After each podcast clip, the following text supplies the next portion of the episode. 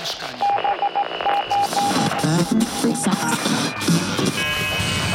Odsłuch społeczny. Witam serdecznie w Odsłuchu Społecznym. Z tej strony Sławek Cygler, a moim gościem jest dziś Mateusz Sieradzan, szerzej znany jako pan pielęgniarka, pracujący na jednym z warszawskich szpitalnych oddziałów ratunkowych. Dzień dobry. Dzień dobry. Zastanawiam się, czy na pewno dobry, bo przed tobą jeszcze dzisiaj dyżur na sorze. Powiedz, co cię może tam dzisiaj spotkać? Dzisiaj biorąc pod uwagę pogodę, jaką mamy, bo jest dosyć wietrznie w Warszawie, to możemy, mogę się spotkać zapewne z różnymi urazami yy, spowodowanymi różnymi przedmiotami fruwającymi po ulicy. I to jest chyba jedyna rzecz, jaką, jakiej się mogę spodziewać. Natomiast pewnie będzie to, co jest na co dzień, czyli no, problemy pacjentów, yy, zazwyczaj zaniedbane, zazwyczaj zestarzałe. Około 70% to będą tacy pacjenci, którzy nie powinni się u nas znaleźć, a się znajdują z różnych przyczyn, a pozostałe 30, tak szacując, to będą tacy pacjenci no, w ciężkim zagrożeniu życia i zdrowia. Dobra, to powiedz mi jeszcze tylko, ile czasu trwa dyżur? 12 albo 24 godziny. Ja pracuję 12, bo Okej. uważam, że więcej jest to niehumanitarne i dla mnie, i dla pacjentów. Okej, to teraz dlaczego 70% osób nie powinno znaleźć się na sorze, albo jak one się tam znalazły? Czy to jest pierwsza linia po prostu obrony, czy oni zostali tam odesłani przez lekarzy pierwszego kontaktu? Zacznijmy od tego, że oddział ratunkowy, każdy w Polsce, jakikolwiek, to jest jedyne miejsce, w którym polski pacjent może otrzymać kompleksową pomoc w czasie krótszym niż y, doba.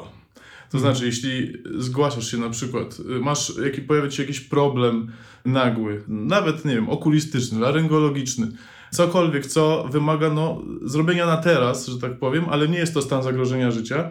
W normalnych warunkach poszedłbyś do przychodni z tym, dostałbyś skierowanie do specjalisty i dostałbyś się tam, nie wiem, jutro, albo pomógłby ci w tym lekarz rodzinny, bo to była, byłaby niewielka, niewielka sprawa. Natomiast w Polsce y, realia wyglądają tak, i ja to słyszę często y, na, na sorze od pacjentów, że po prostu oni otrzymali termin na za 3 miesiące, na za pół roku, no i mają dwie opcje. Albo pójdą prywatnie, albo zgłoszą się na SOR, Mhm. wysiedzą te kilka, czasami kilkanaście godzin, no bo nie są pacjentem priorytetowym dla nas, ale otrzymają tą pomoc. Otrzymają albo diagnostykę, albo konsultację lekarską.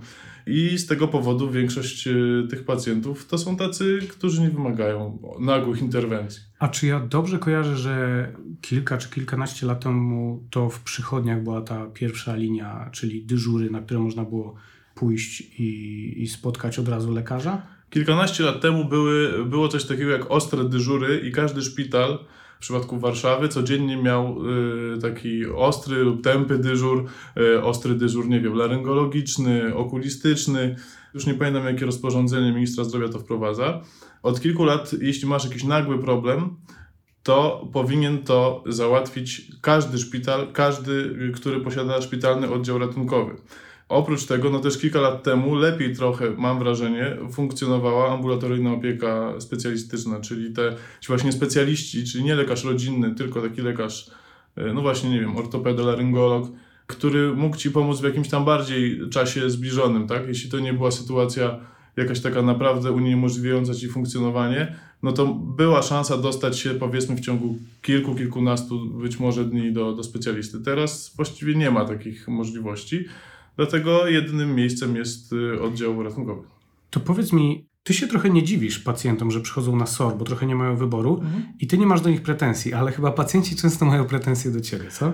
Tak, i to, i to jest też tak, że my sami, medycy też często mamy do nich pretensje, dlatego że nam po prostu przysparzają pracy, która jest y, no nie dla nas. No, ja jestem y, szkolony i byłem i w tym kierunku się kształciłem, żeby zajmować się pacjentem w stanie nagłego zagrożenia życia i zdrowia.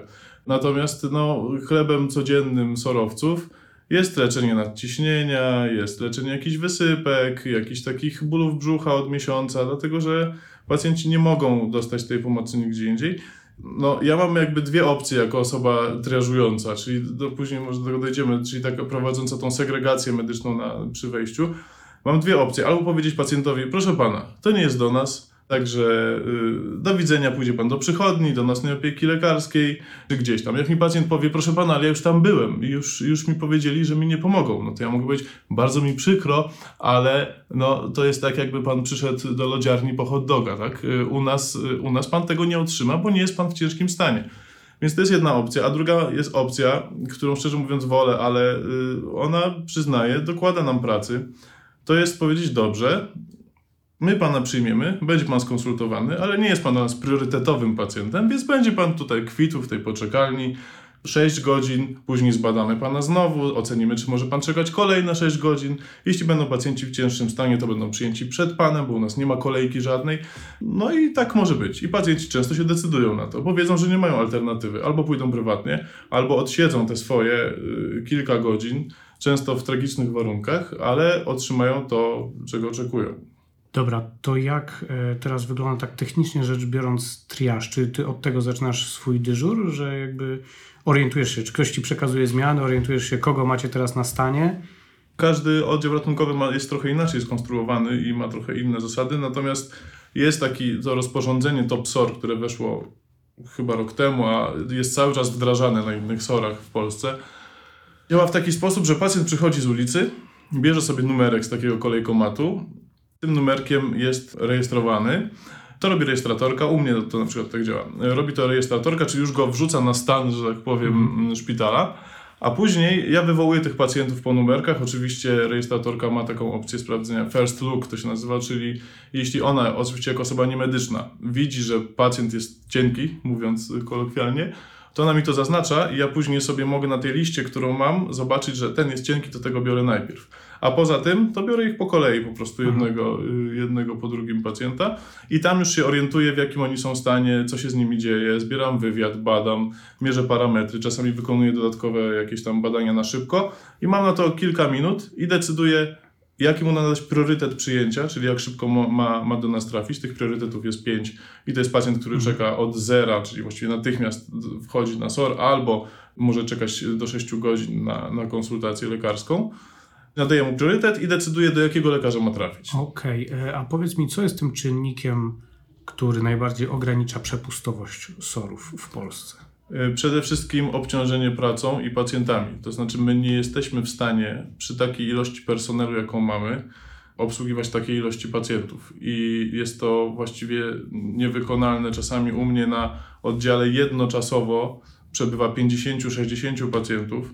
Oni jedni leżą, inni są pod respiratorem, inni czekają w poczekalni i takimi pacjent, dla, dla, tych pacjentów jest przewidzianych trzech lekarzy, gdzie każdy ma na przykład inną specjalizację. Jeden jest chirurgiem, drugi jest lekarzem ratunkowym, trzeci jest powiedzmy ortopedą.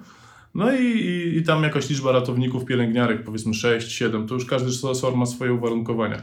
Więc to jest taka liczba osób zupełnie nam nieznanych. My nie wiemy o nich nic poza tym, co ja zebrałem tą wstępną informację na triażu którymi trzeba się jakoś zająć i tak naprawdę dopilnować już w skrajnych przypadkach już pomijam przeprowadzić sprawnie diagnostykę i podjąć jakąś decyzję, ale często dopilnować, żeby oni po prostu nie umarli na tym sorze, bo to jest ciągły ruch, to jest, ja mówię, że SOR to jest taka y, ciągła walka personelu z opanowaniem chaosu, mhm. bo chaos to jest coś w ogóle, to, tym my się zajmujemy i jak ktoś mnie pyta, co jest charakterystyczne dla SOR-u, to ja mówię, co wy, jak ktoś mi pyta, co wy umiecie, czego inni nie umieją, to ja mówię, my umiemy pracować, jak się wszystko jara. To mhm. znaczy, że y, jest, jest totalna masakra i ty musisz w tym chaosie wyłowić i wyłapać tych pacjentów, którzy są w, w najcięższym stanie i jakoś ich y, zapewnić im opiekę, pomoc. No. A ty się jarasz tą robotą? Tak, jeszcze tak. Jeszcze tak, ale jest to spowodowane tym, że nie robię, y, że ja nie pracuję dużo na sorze. W sensie mam dwa wykształcenia, nie? bo ja jestem ratownikiem medycznym, to są trzy, trzyletnie studia na Uniwersytecie Medycznym i jestem pielęgniarzem, to też są osobne trzyletnie studia na Uniwersytecie Medycznym. Oprócz tego mam jeszcze specjalizację z pielęgniarstwa ratunkowego, to są dodatkowe dwa lata podyplomowych studiów. Jak policzyłem, e, wykształcenie mnie kosztowało podatnika 170 tysięcy.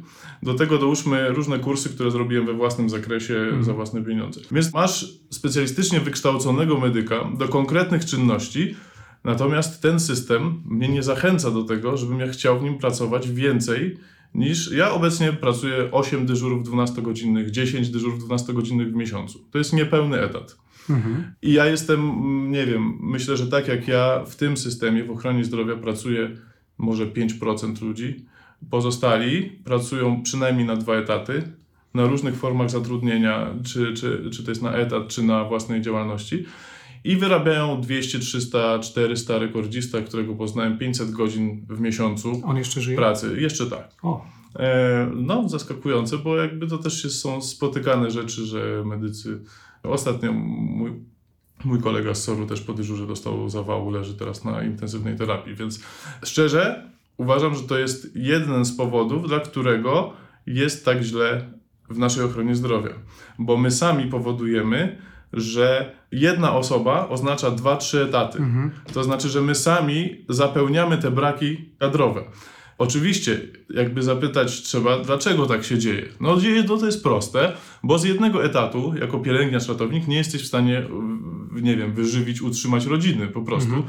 No więc y, te warunki finansowe zmuszają cię do pracy w kilku miejscach. Natomiast ja uważam, że to jest patologia z, z wielu y, powodów. Po pierwsze, to jest robota bardzo obciążająca psychicznie, obciążająca fizycznie, wymaga od ciebie ciągłego skupienia, bo po prostu możesz na każdym kroku zabić człowieka, bo podajesz mu leki i robisz procedury, które są bardzo agresywne. I nie można tego robić na zmęczeniu. Druga rzecz jest taka, że ja zaczynam nienawidzić ludzi, gdy pracuję dłużej niż 12 godzin. W sensie, e, wiesz, ja tam siedzę i y, moim zadaniem jest ciągłe rozwiązywanie ludzkich problemów. Często y, no my jesteśmy taką krawcową ochrony zdrowia. Nie? Pacjent, który nie ma co ze sobą zrobić albo ma jakiś ciężki problem, to my to wszystko rozwiązujemy w różnym czasie, z różnym skutkiem, ale no, nie mamy innego wyboru, bo pacjent do nas przychodzi, trzeba go jakoś ogarnąć, po naszemu mówiąc. Więc to jest praca po prostu ciągle obciążająca. I ja uważam, że szkoda życia na taką pracę w takich warunkach. Dlatego pracuję tylko tyle. Oczywiście, jeszcze tak krótko powiem, mam ten luksus, że mogę tak robić, bo Mhm. mam jeszcze drugi zawód i, i też no, angażuję się w tą działalność jakoś w mediach społecznościowych, co też mi daje różne dodatkowe prace, Mhm. powiedzmy. Yy, więc mam ten luksus, że nie muszę tyle pracować i dlatego mnie ta robota jara, tak jak zaczęliśmy. Okej, to teraz y, to jest jakby na wielu płaszczyznach trudna sytuacja, bo teraz nawet jakby dać y, lekarzom, ratownikom medycznym dwukrotną podwyżkę, Mhm. to wtedy oni mogą zrezygnować z tych dodatkowych etatów i wtedy z jednej strony są zadowoleni, z drugiej strony system jest jeszcze bardziej zatkany, e, no bo tych e, robo, roboczo godzin jest mniej jakby w puli, natomiast mamy szansę mieć wypoczętych e, i żywych ratowników i lekarzy. Teraz co, co zrobić z tym węzłem, który się za, zawiązywał przez ostatnie kilkadziesiąt lat? No właśnie wczoraj o tym rozmawiałem z żoną przy okazji różnych jakichś tam rozmów na temat y, ochrony zdrowia, że y, tak się wydaje, nie? że jak dasz ludziom większą stawkę, to oni będą pracować mniej, będą zadowoleni z tego i będą, no jakby to jest logiczne i zazwyczaj tak działają realia rynkowe. Natomiast my nie podpadamy pod realia rynkowe, a wiele, no chociażby dlatego, że nasze płace są centralnie sterowane, nie? Y, Szpitale niby są publiczne, niby y, decyzja o tym, jaką ja dostanę stawkę, zależy od dyrektora szpitala, no ale szpital dostaje pieniądze na mnie z NFZ-u, a te pieniądze są ustalane przez rząd, No rozporządzenia tak, ale ty zdrowia. decydujesz, czy nie pójdziesz na drugi etap. Tak, to prawda. Natomiast jakbym chciał pracować na jednym etacie, załóżmy, że mamy luksusową sytuację, że dostaję dobre pieniądze i mogę pracować w jednym miejscu jestem zadowolony, nie? No to tak by, tak by się wydawało, że tak by to działało w Polsce. Natomiast mam taką opinię, która powstała na przykładzie zeszłego roku i dodatków covidowych, które my dostaliśmy. To był taki czas przez kilka miesięcy, kiedy każdy z nas miał poczucie, że zarabia tyle, ile powinien. I rzeczywiście ja byłem w stanie, za, mniej więcej moja stawka wynosi około 100 zł za godzinę, nie, pracując w kombinezonie. I to jest w ogóle spoko i nikt z nas nigdy nie widział takich pieniędzy. Natomiast okazuje się, że ludzie przez lata przyzwyczajeni do bardzo ciężkiej, morderczej pracy, dla nich to nie jest problem, żeby jednak pracować te 200 godzin i zarobić jeszcze więcej. Nie? Mhm. Jakby to jest No sytuacja, dobra. która spowodowała, trochę zdegenerowała myślenie i podejście do pracy. Skoro dotąd żyłem pracując 200 godzin, to teraz będę nadal pracował 200 godzin czy 300, ale będę zarabiał dwa razy więcej. Dobra, a mogę spytać, e, jakie są w takim razie stawki obecnie bez dodatków covidowych? Rozumiem, że też e, powiedziałeś o, tych, o tej stówie, mówimy o kwocie brutto. To jest e, kwota brut, to już ze, ze wszystkim. Nie? Okej, czyli załóżmy, że przy dodatkach covidowych, przy etacie lub trochę ponad etacie to było, nie wiem, 10 tysięcy na rękę do wyjęcia? Mogło, mogło tak Dobra, być. No. a bez covidu?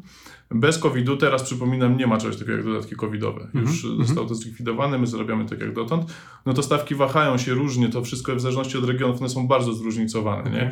I y, też w zależności od oddziału, od szpitala. Mhm. Oczywiście mówimy cały czas o publicznej ochronie zdrowia.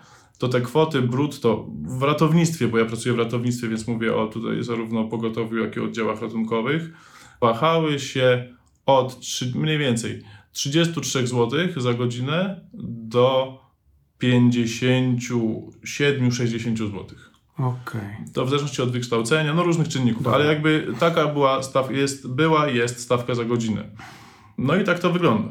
Tylko y, my pracujemy na różnych formach zatrudnienia, bardzo różnych y, środowiskach, warunkach pracy.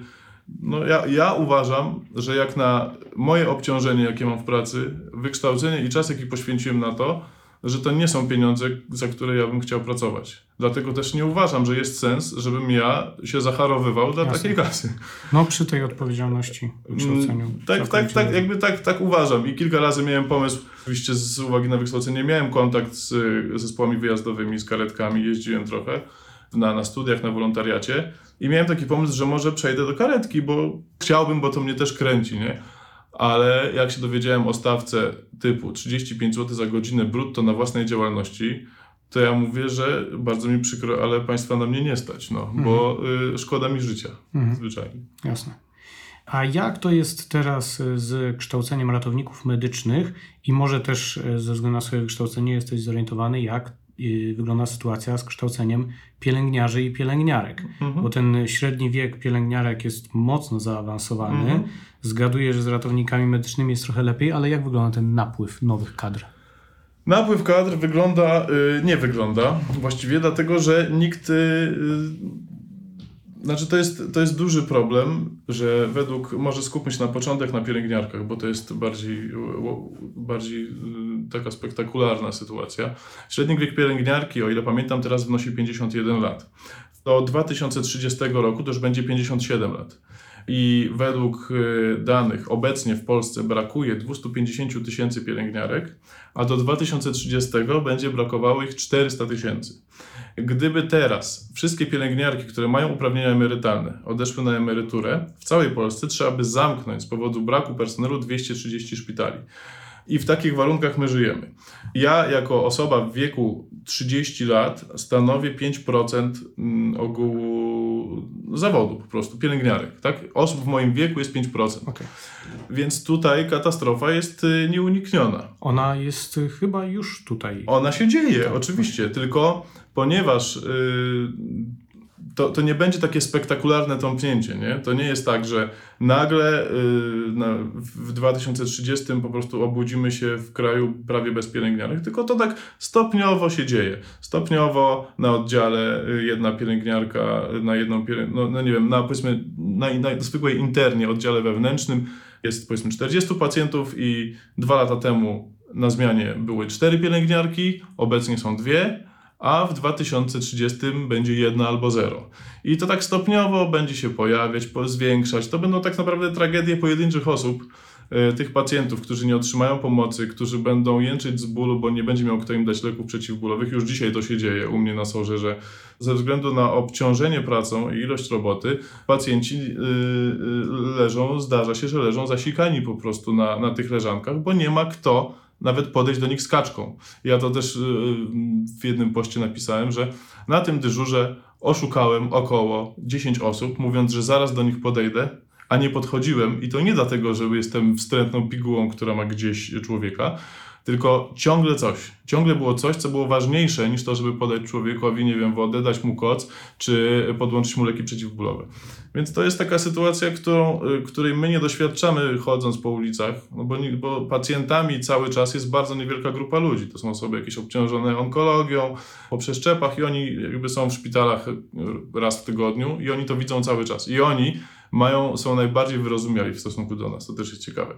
Natomiast y, zwykły szary Kowalski, gdy trafia na SOR, to go szlak jasny trafia i jest wściekły na, na wszystko. Uważa, że on płaci te składki, a właściwie za co on płaci. I ja właściwie mogę stać mówić mu tylko, no, ma pan rację i o tym my wszyscy ciągle mówimy. Po to są te protesty. No i, i dzień dobry, witamy w prawdziwej rzeczywistości. Natomiast ona nie dotyczy na co dzień wszystkich, dlatego trudno jest tutaj, to nie jest jak inflacja, która rośnie i widzisz, że ceny są większe, nie? Tylko dopiero jak coś ci się stanie, to zaczynasz mówić, o, czyli o tym oni mówili. To teraz e, powiedz mi, jakie ty widzisz możliwości dla tego szarego Kowalskiego działania, przyłączenia się do was? To jest dobre, dobre pytanie, bo mnie często ludzie pytają, skoro tak narzekasz, to powiedz, jakie masz rozwiązania. Ja mam kilka rozwiązań, które wy, doszedłem do nich patrząc na, na sytuację na to, co, co możemy zrobić, ale zawsze powtarzam, że proszę Państwa, ja uczyłem się, nie, że nie, jakby nie, nie studiowałem zarządzania w ochronie zdrowia. Ja się uczyłem, e, jak człowieka zdefibrylować, jak podać mu adrenalinę, e, jak e, zasegregować go medycznie. Także to nie są moje kompetencje. Ja sygnalizuję problemy, a co kto z tym zrobi, to niech to robią specjaliści. Natomiast pytanie, co może w obecnej sytuacji zrobić zwykły, szary Kowalski właśnie, jest o tyle trudne, bo często ludzie mówią, trzeba głosować na tych, którzy, którzy mogą coś, yy, którzy zmienią tą sytuację.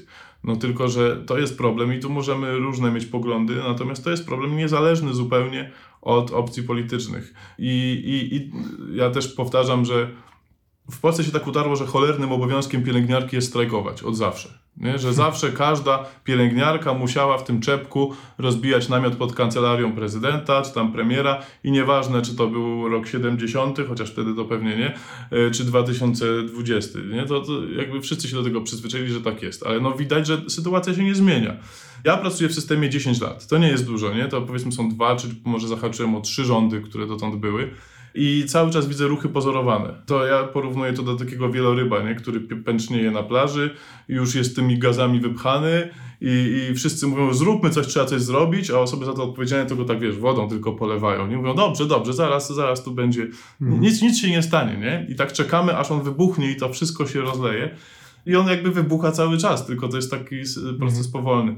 Więc y, trudno jest mi powiedzieć, co może zrobić zwykły szary człowiek. Wydaje mi się, że dobrze, żeby ta sytuacja i ta świadomość tego, jak, z czym mamy do czynienia, była obecna we wszystkich możliwych mediach. Dlatego jak mnie ktoś mnie prosi, weź coś powiedz, porozmawiajmy o ochronie zdrowia, to ja zawsze mówię dobrze.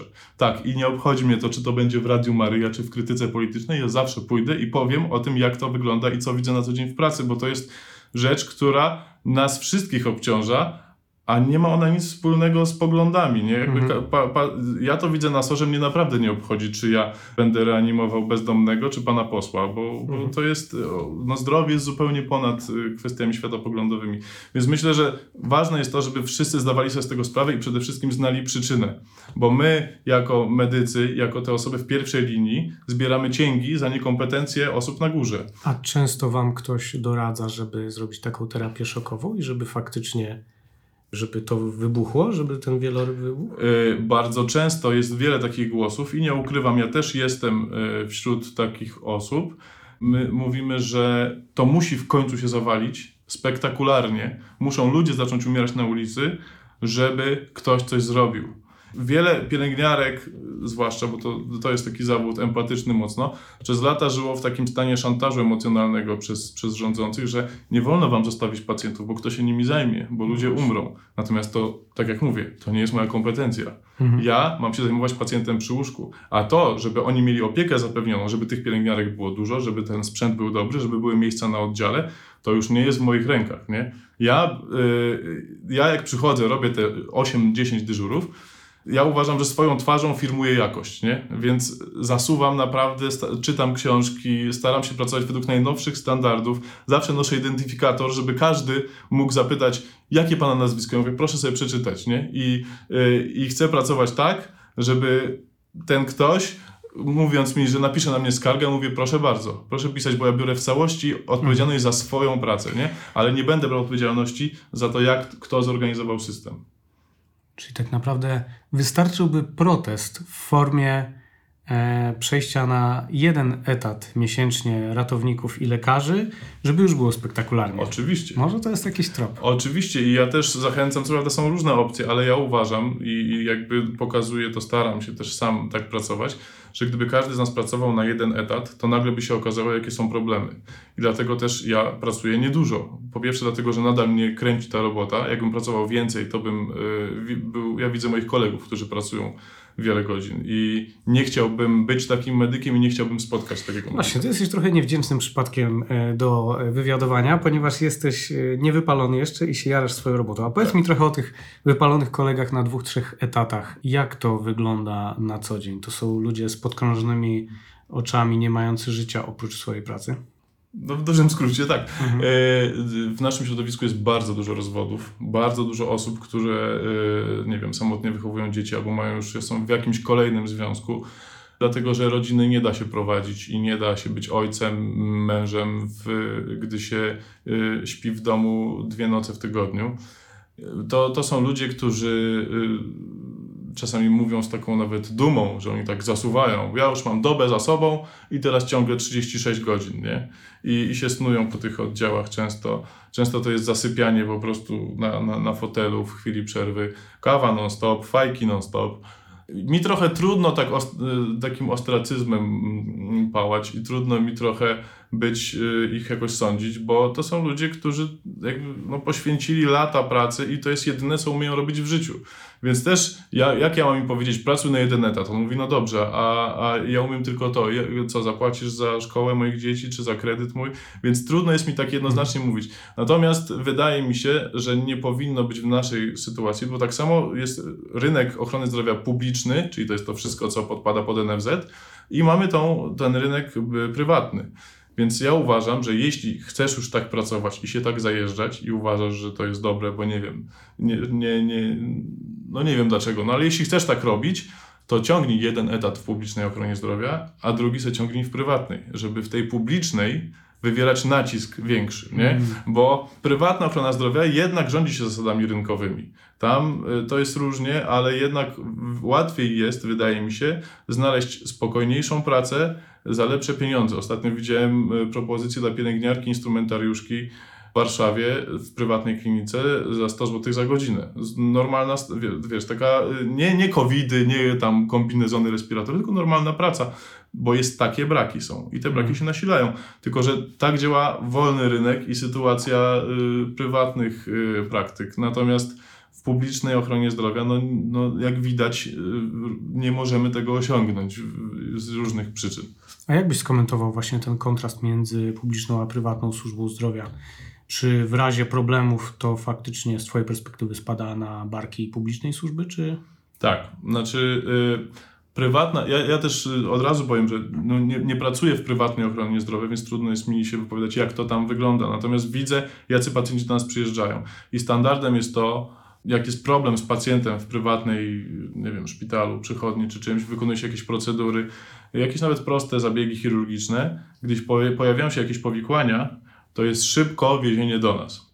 Albo y, powszechne jest to, że pacjenci y, są jakoś tam prywatnie przyjmowani przez, przez różnych lekarzy, a później nie trafiają do ich prywatnych klinik, tylko trafiają jednak do publicznych klinik i oddziałów, gdzie ci lekarze pracują, dlatego że no, nikt nie ma takiego zaplecza jak publiczna ochrona zdrowia. Nie? I o ile operację wyrostka robaczkowego czy poród możesz sobie ogarnąć prywatnie, to już przeszczepu wątroby tego nie, nie, nie zrobisz, bo to jest tak droga operacja, wymagająca takiego zaplecza, że żaden prywatny szpital na dzisiaj w Polsce nie jest w stanie tego zrobić. Dlatego tylko zostaje publiczna ochrona zdrowia.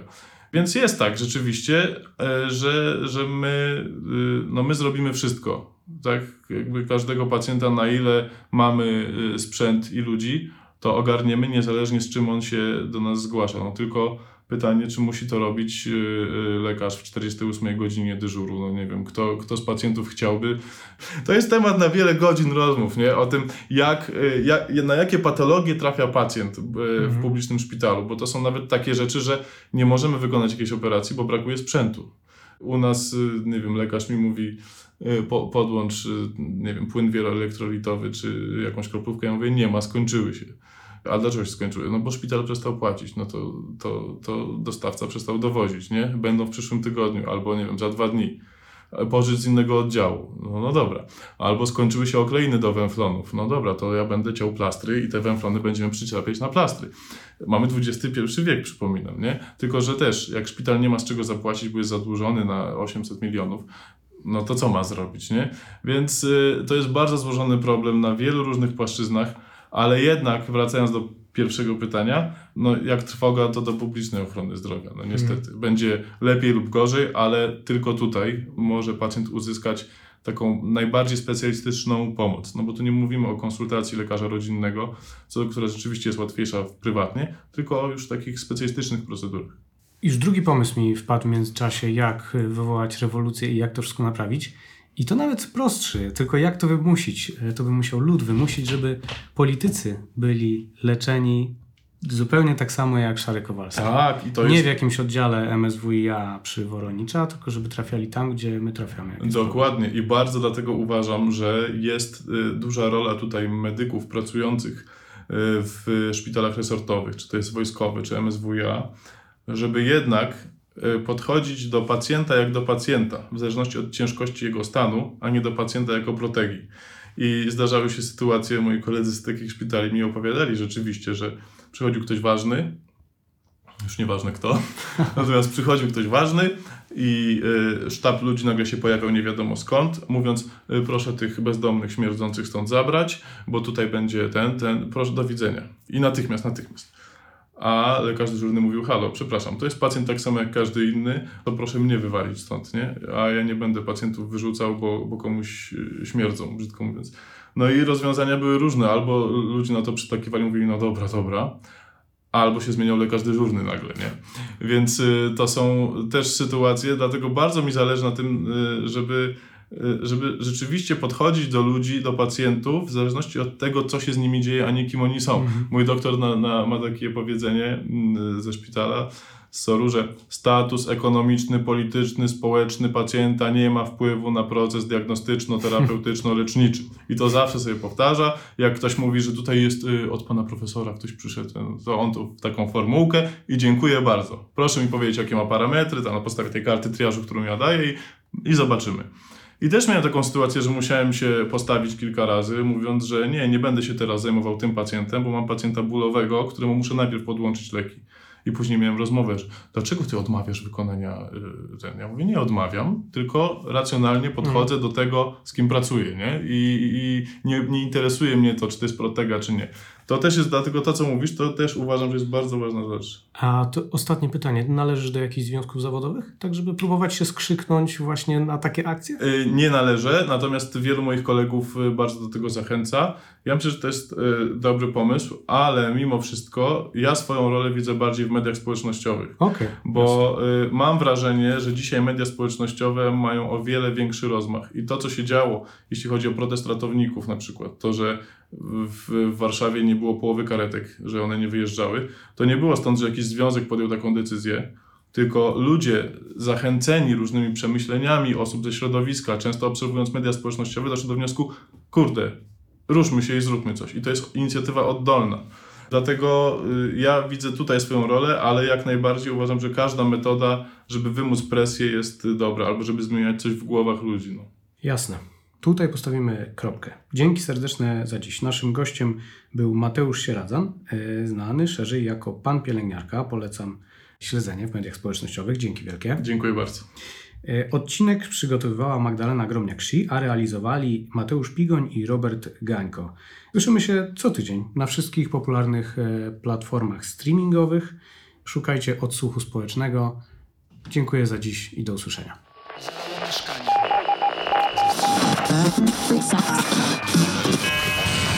Odsłuch społeczny.